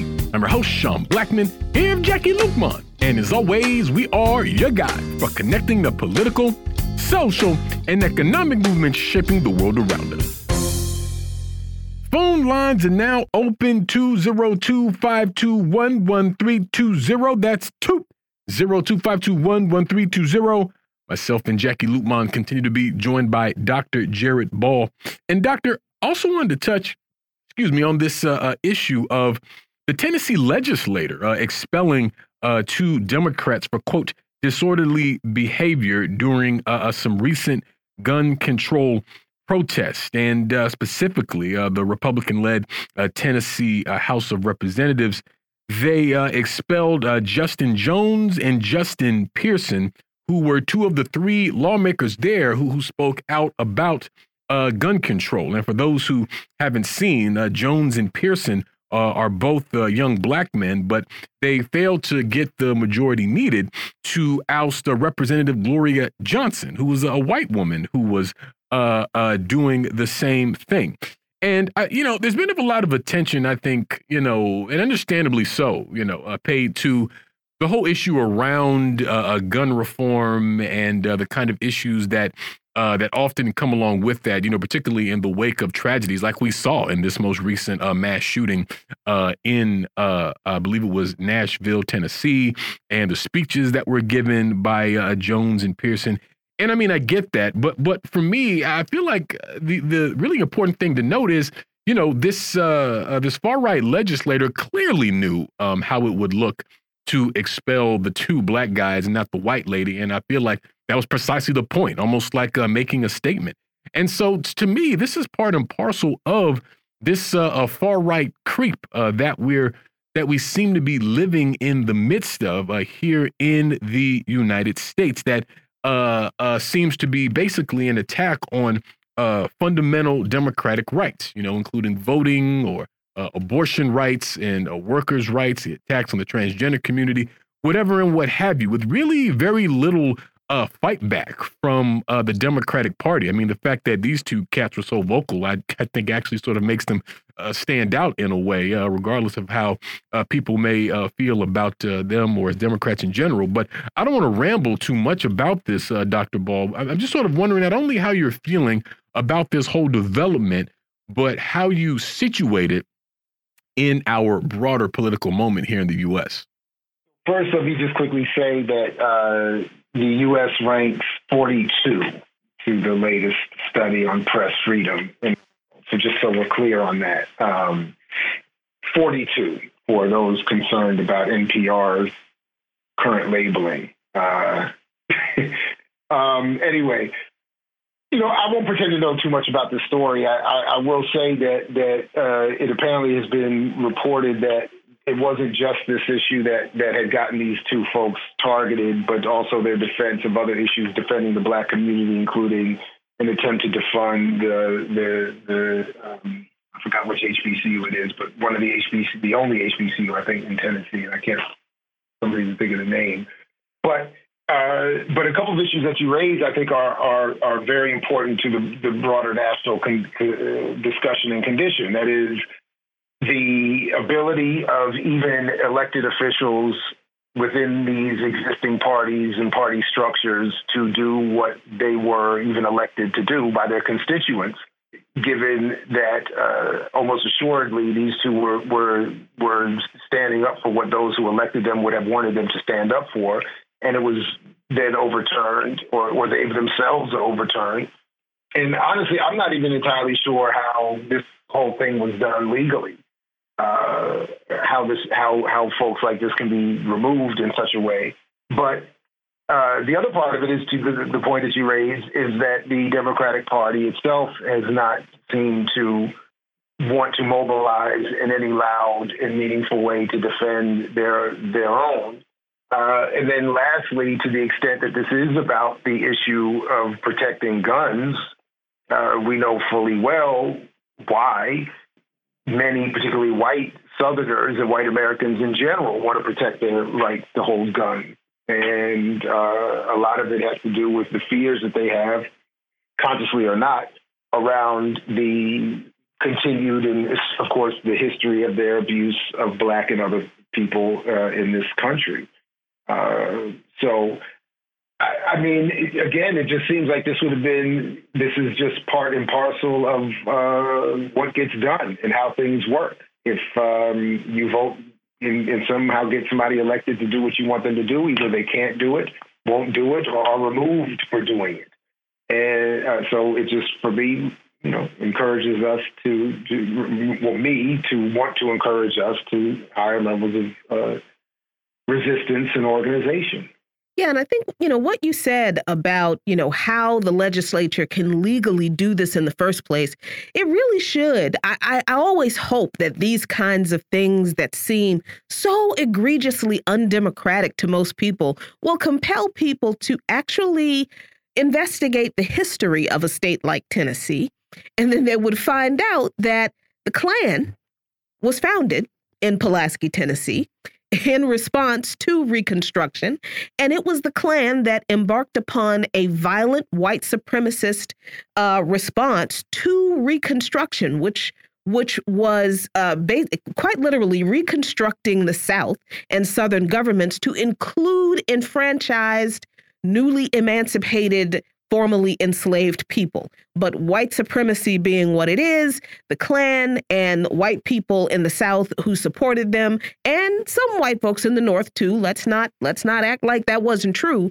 Uh, went along with this violent, uh, just outright murder of black legislators who had been elected to uh, Reconstruction uh, government positions, uh, leg- government, you know, uh, state legislatures in the South, uh, other elected positions in uh, state governments and Reconstruction governments. And by and large, Dr. Ball, those the, the people who committed that violence, unless they were directly members of the Ku Klux Klan, and all of the violence was not committed by members of the Klan. Uh, there were several, you know, plenty of white people who committed plenty of violence, murdered plenty of black people who were not quote unquote card carrying members of the Klan who were never held to any accountability for the violence they committed. But more importantly, the people who replaced those murdered or uh, run out of town exiled black legislators, the the white white supremacists who took their place in office, they were never held to account. N nowhere in the country, they were never held to any account for their role in the violent end to Reconstruction.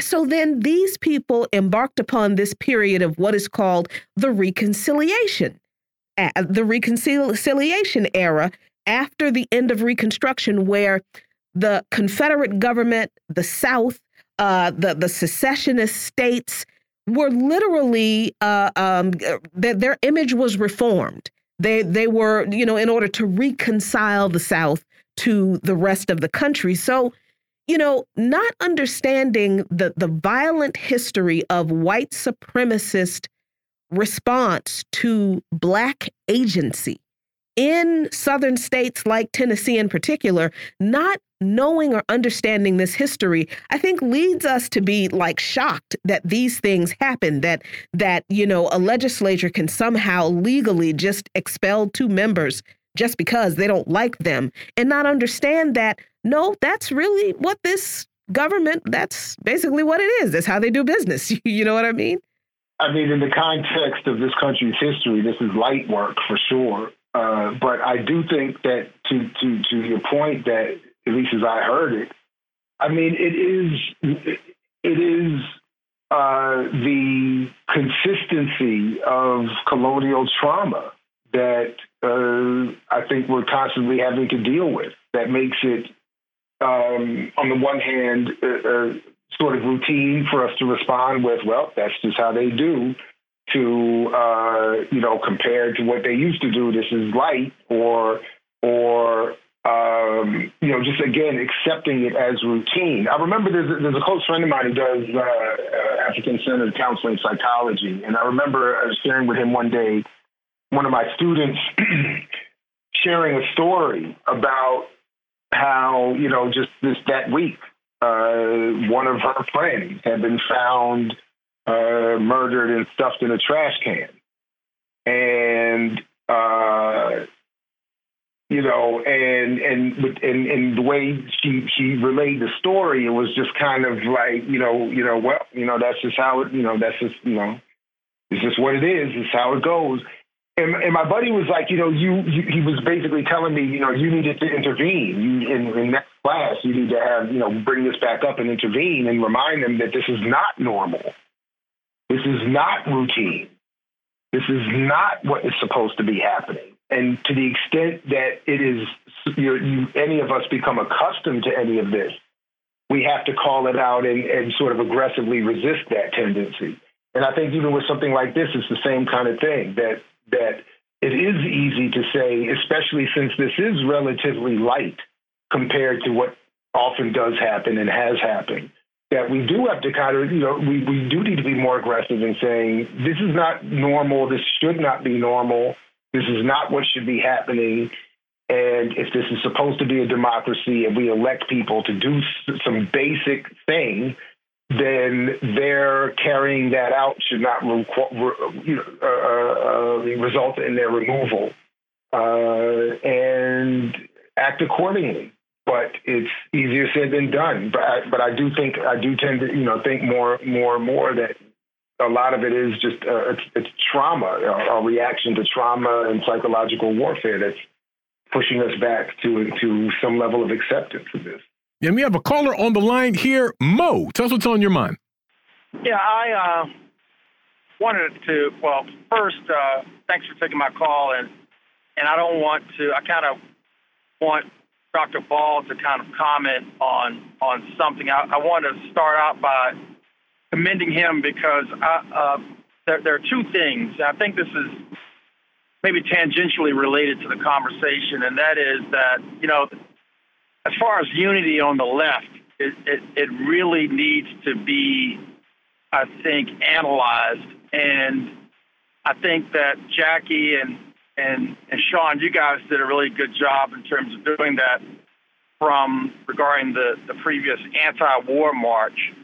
And where I was going to commend Dr. Ball, he kind of opened things up for me on two different occasions. And, and I think it's it's really worth note, and that is he interviewed Norman Finkelstein uh, on his show, and I also read a piece written by John Jeter, who also appears on the show as well, and it just shows how I think how I'm, I'm not going to use the word naive, but it, it's just that I, I don't think he gave the or Norman Finkelstein gave the proper analysis in terms of his critique of this quote unquote woke culture. And, uh, you know, I admire Dr. Uh, Ball for kind of starting that, that whole dialogue. And I also admire Dr. Ball for even starting the dialogue in, in, in critiquing uh, democracy now uh, in terms of lack of, of really progressive African American voices that really have appeared on, on that station. And now, in fact, you don't even hear uh, a Gerald Horne on on on on Democracy Now. And I think when you start looking at uh, uh, uh, Amy Goodman and her analysis as the as far as the war in Ukraine and and, and China's involvement, it, it, there's a lot to be desired. So you know, I'll, I'll stop there. But I, I think that uh, when we start looking at how we are going to attack fascist forces, we're kind of limited in terms of, of our allies. And uh, I, I, hope I'm, I, I don't want to ramble, but I hope you guys understand where I'm coming from with that question. But uh, I would like to hear you guys' analysis on that. And as always, uh, thanks for taking my call. I wish you guys the very best. Well, thanks. I appreciate you calling in. To hear from you again soon. Uh, Dr. Ball, your thoughts? Well, obviously, I appreciate the kind words uh, and and thankful for that. Uh, uh, I'm not entirely sure if if if there was a specific question, but I, I certainly appreciate the sentiment that we uh, don't have enough solidarity. I don't think uh, we have uh, clarity enough, at least, of what it means to be left or on the left. and there's certainly enough inducement to encourage uh, all of us to the right. So I, I mean, you know, I get it. There's just not a lot of money and not a lot of resource, and uh, on the left, and there uh, there is, but there is as much uh, abuse and marginalization and hostility as there are, are, a lack of resources on the left. So it's very easy to move ever to the right. There's always more money. There's always more acceptance. There's always more safety. Uh, and uh, uh, but it does, of course, weaken that solidarity. So anyway, I'm not sure if I if I respond to anything directly enough, but I, I definitely appreciate the call. Sure. We'll talk more about that on the other side of another quick break here on By Any Means Necessary on Radio Sputnik in Washington, D.C. We'll be right back. So please stay with us. By any means necessary.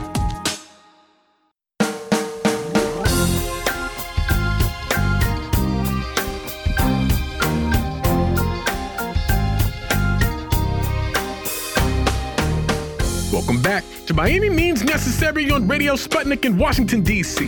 I'm your host, Sean Blackmon, here with Jacquie Luqman. And as always, we are your guide for connecting the political, social, and economic movements shaping the world around us. My dear friends, phone lines are still open 202 521 1320. That's 2 02521320. I am here. Jacquie Luke Luqman is here. Dr. Jared Ball is here. And I wanted to respond to uh, the point that Mo was making about um, uh, left unity or the unity of uh, the left. And I think this is um a, a bit of an aside, but but I do think about this because you know, in my humble opinion, amongst groups that we could describe to be on the left here in the U.S., I actually tend to think we spend entirely too much time and energy being concerned like about each other and about what like this or that group is doing or you know uh you know what they're posting on social media i mean just mess that just isn't relevant and i think that all of us in our respective organizations and movements should be focused primarily on organizing our class that is the primary task in this moment especially i mean we're just such a dangerous time in so many ways right the threat of nuclear war, the threat of an all out uh, fascist assault in this country. I mentioned earlier that this assault on the most uh, uh, fundamental democratic rights. We will simply not have a revolution in this country. Jacquie was talking about reconstruction. We will not have a socialist reconstruction in this country without the direct support and participation of millions of members of our class. So, what I think we have to be laser focused on in a moment as fraught and as dangerous as this is how do we effectively do that? And I think through that process, we'll uh, uh, begin to deepen and strengthen our relationships and see who's really serious and who it is that we should unite with. Because we got to remember this question of unity now. You, you shouldn't, if you're going to have a unity, it has to be a principled unity. I mean, if we go uh, uh, back to um, the uh, uh the demonstration on March 18th, calling for the end to war in Ukraine. I mean, you saw. I mean, there was over 200 some odd organizations that uh, endorsed that group. They don't all agree on every single solitary thing, but this is an example of uh, what I'm talking about. A healthy example of the kind of unity that we're going to need uh, uh, moving forward. But uh, I don't know. It just feels, and really, what I'm talking about is sectarianism. That, that that's the word I'm I'm really looking for. But what, what what we need to realize is, you know, by and large, our class just doesn't care about that. Like the stuff that we seem to think is important is like just not important for a lot of people. So you know your your line on the Soviet Union, or whether you think uh, uh, China is socialist, like that's just not. I mean, yes, these things are important in their own way. I mean, particularly for people consider themselves socialists and communists. But we have to be able to highlight what is important and what is most pressing, because there are contradictions and then there are primary contradictions. What are the primary contradictions? The most pressing things that we have to address ourselves to first and foremost before we move forward. So I tend to think that what we call left unity will emerge naturally out of that. But I think the way people conceive of it is like, well, left unity is when we all just agree on everything. Well, no, and I'm also not sure that's terribly important. You know what I mean? And so I think we really got to keep our eye on the ball and recognize the moment that we're in and uh, organize accordingly, Jacquie. Yeah, you know, we absolutely do. And I think this goes back to uh, Mo's question about Dr. Ball's interview with Norman, Finkel, Norman Finkelstein and you know his his weird turn on woke culture and cancel culture and and all this kind of thing and it's kind of the thing that that those of us on the left kind of have gotten a little bit I think too deep into because quite honestly we don't have time to be dealing with people who feel feel that way. I think it, I think it's important to highlight the folks on the left who have that kind of ideology because we need to watch out for those kind of folks because they're the kind of folks who will cause all kinds of division, stir up all kinds of trouble. And they do it because, quite honestly, they're not organizing feral cats. They're just not.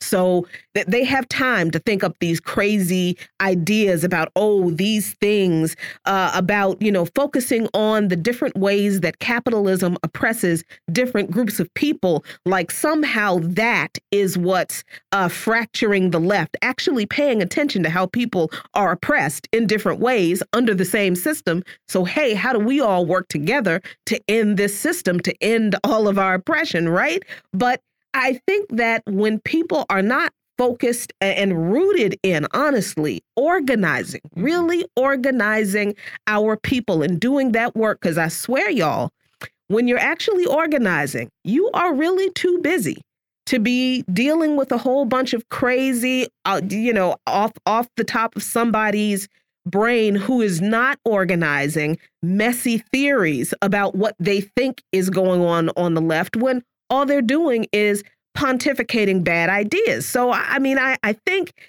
the importance of being grounded in organization in order to stay focused on the goal, which is the the the construction of a socialist society for the benefit of all people, that is critically important now. I, I agree with you, Sean. And, and I do think that uh, Dr. Ball interviews that you did with Finkelstein that kind of points to the kind of people that we should not let distract us from that goal are really, really important.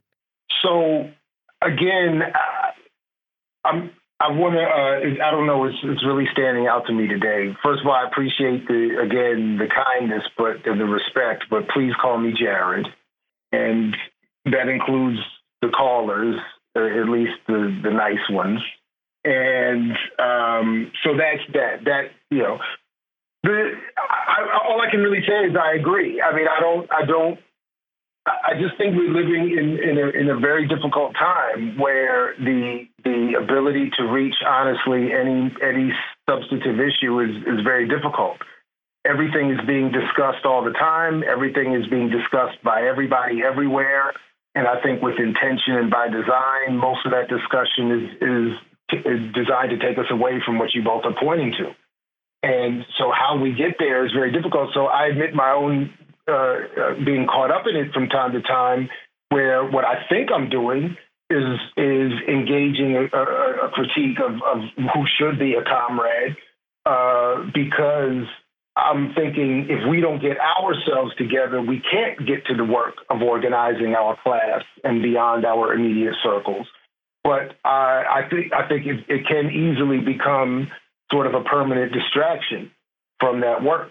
Uh, and um, Listen, in terms of the Finkelstein thing, it's funny. I I, I won't say the name because I, you know, it, it, it, was said in confidence. But somebody I have a tremendous amount of respect for in the academic world just reached out to me. I think just this morning to say how much they appreciated the Finkelstein interview, if for no other reason, similar to what you all are saying, that with somebody of that stature not being challenged.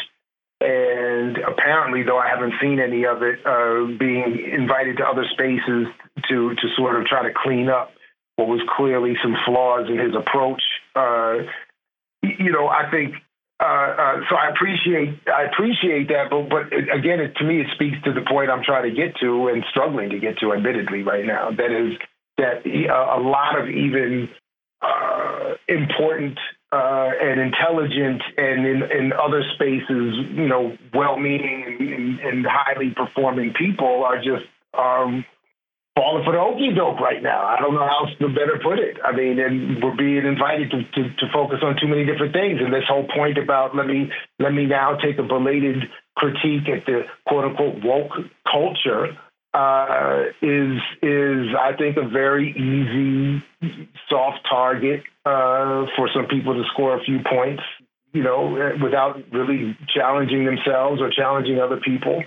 Uh, to, to, to get to some of these points. Because again, and I'll stop here, but the, everything you two are talking about that needing to be done, as you all know, are the very things that get you disinvited from everywhere.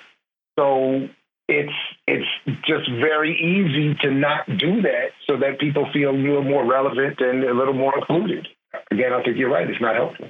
Yeah, definitely. And I mean, this is something that I think we see a lot. And, the point that Dr. Ball is making, well, yeah, Dr. Ball, sorry, I mean, I, I, was raised right. what do you want? Habit. I, we're, yeah, we're you know. Southern. I don't know why you keep trying to. yeah, good, good, home training is, is, is hard to beat, uh, uh, Jared. I don't know what to tell you. But um, yeah, and it, uh, particularly when this stuff directly impacts people's uh, ability to make a living, depending on how they're positioned. And this is just something, this is a trend that I've really noticed in recent years where, you know, even people who, you know, they have platforms that are political may have a similar line to a show like By Any Means Necessary or to what you may see on uh, uh, Black Power Media. But it just becomes so clear when people are building platforms, and that is their chief priority, is to build a platform and not build movements, even if movement politics have some resonance with what they cover on their platform. That individualism really shines through, I think, in important moments. And another thing I want to raise, just to keep be frank, some people are just opportunists. Like when we talk about people uh, moving to the right, which we've definitely seen uh, in the time since uh, the coronavirus pandemic. And uh, I think the question of the war in Ukraine and uh, uh, how anti war and anti imperialist elements should be responding to it definitely seen that as well. I, you just see, frankly, an incredible level of opportunism on, on, the parts of some people that you thought knew better. But then again, when you take a look at certain folks and, and, you see them, and you know, a lot of them are people who have never been rooted in uh, organizations or movements. It just so happened that their work dovetailed with uh, uh, the politics of you know, this or that movement, whether it's against racist police terror or whether it's anti imperialist or what have you. But, uh, you know, I've said this before on the show crisis shows you a lot about people, good and bad. You know what I mean? And, and, and, and in moments where it really counts, we really see what really motivates people. We see whether it's principle, we see whether it's clout, we see whether it's money, we see whether it's uh any number of things. You know what I mean? And uh, I just think that we should be very aware of when we see uh, these sorts of things happening because I feel like it goes uh, back to the question of unity and who it is that should and should not uh, be united with. And you know, the funny thing about it, Jacquie, is that uh, these are questions that we have to be asking ourselves in the process of struggle. You know what I mean? We don't have the time nor the luxury to just sit back and contemplate things and, you know, then act on it. We, we have to be uh, uh, doing this, uh, you know, sort of uh, as, as an old saying goes, sort of, you know, crossing the river while feeling the stones. Now, we should always be deliberate and uh, uh, wise and things like this. But, you know, when we talk about movement building, this is sort of an ongoing process where we're going to hit uh uh you know uh, uh, obstacles. And we're gonna have those peaks and those valleys and and things like that. But what has to keep our resolve up and what keeps our focus you know uh, pointed forward is always remembering what it is we're doing and why. This is why the question of principles is so important and why it's also important to know what other folks principles are. You know what i mean?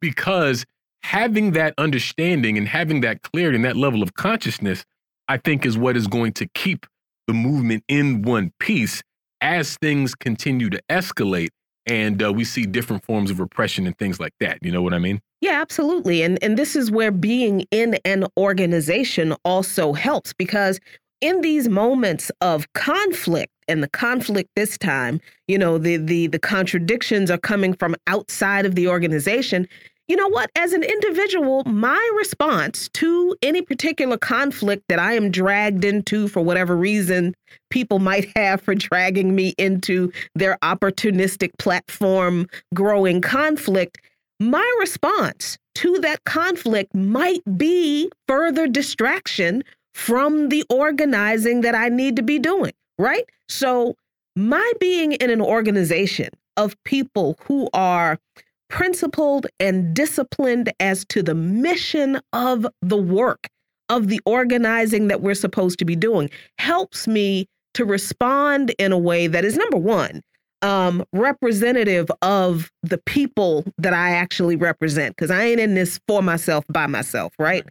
And it also helps me to be accountable to to respond in a way that is also principled and uh, uh, uh, you know, not not embarrassing, and does not deflect from the work that I need to be doing. Meaning, I'm not going to stay mired in this online beef, this you know, Twitter beef, this external thing that somebody's going on that's going to take my attention and focus away from the organizing that I need to be doing. That that's that is the beauty and the value of the discipline and the camaraderie and support that you get in being an organization. Uh, because uh, look, these things are going to happen. You know, somebody's going to have your name in their mouth at some point for some uh, ridiculous reason and you're going to realize these people are not organizing anything. They're just doing it to get attention. And you're going to need to decide how you're going to respond. And your response does reflect upon your organization and your ability for your organization to move forward. That's that speaks to the credibility of the organization among the people. So this is a serious thing here. Absolutely. We're going to leave it there for this week here on By Any Means Necessary on Radio Sputnik in Washington, D.C. One thing, Dr. Jared Ball, so much for joining us today. Be back next week with an all-new slate of episodes. So as always, we'll see you next time. Peace. By any means necessary.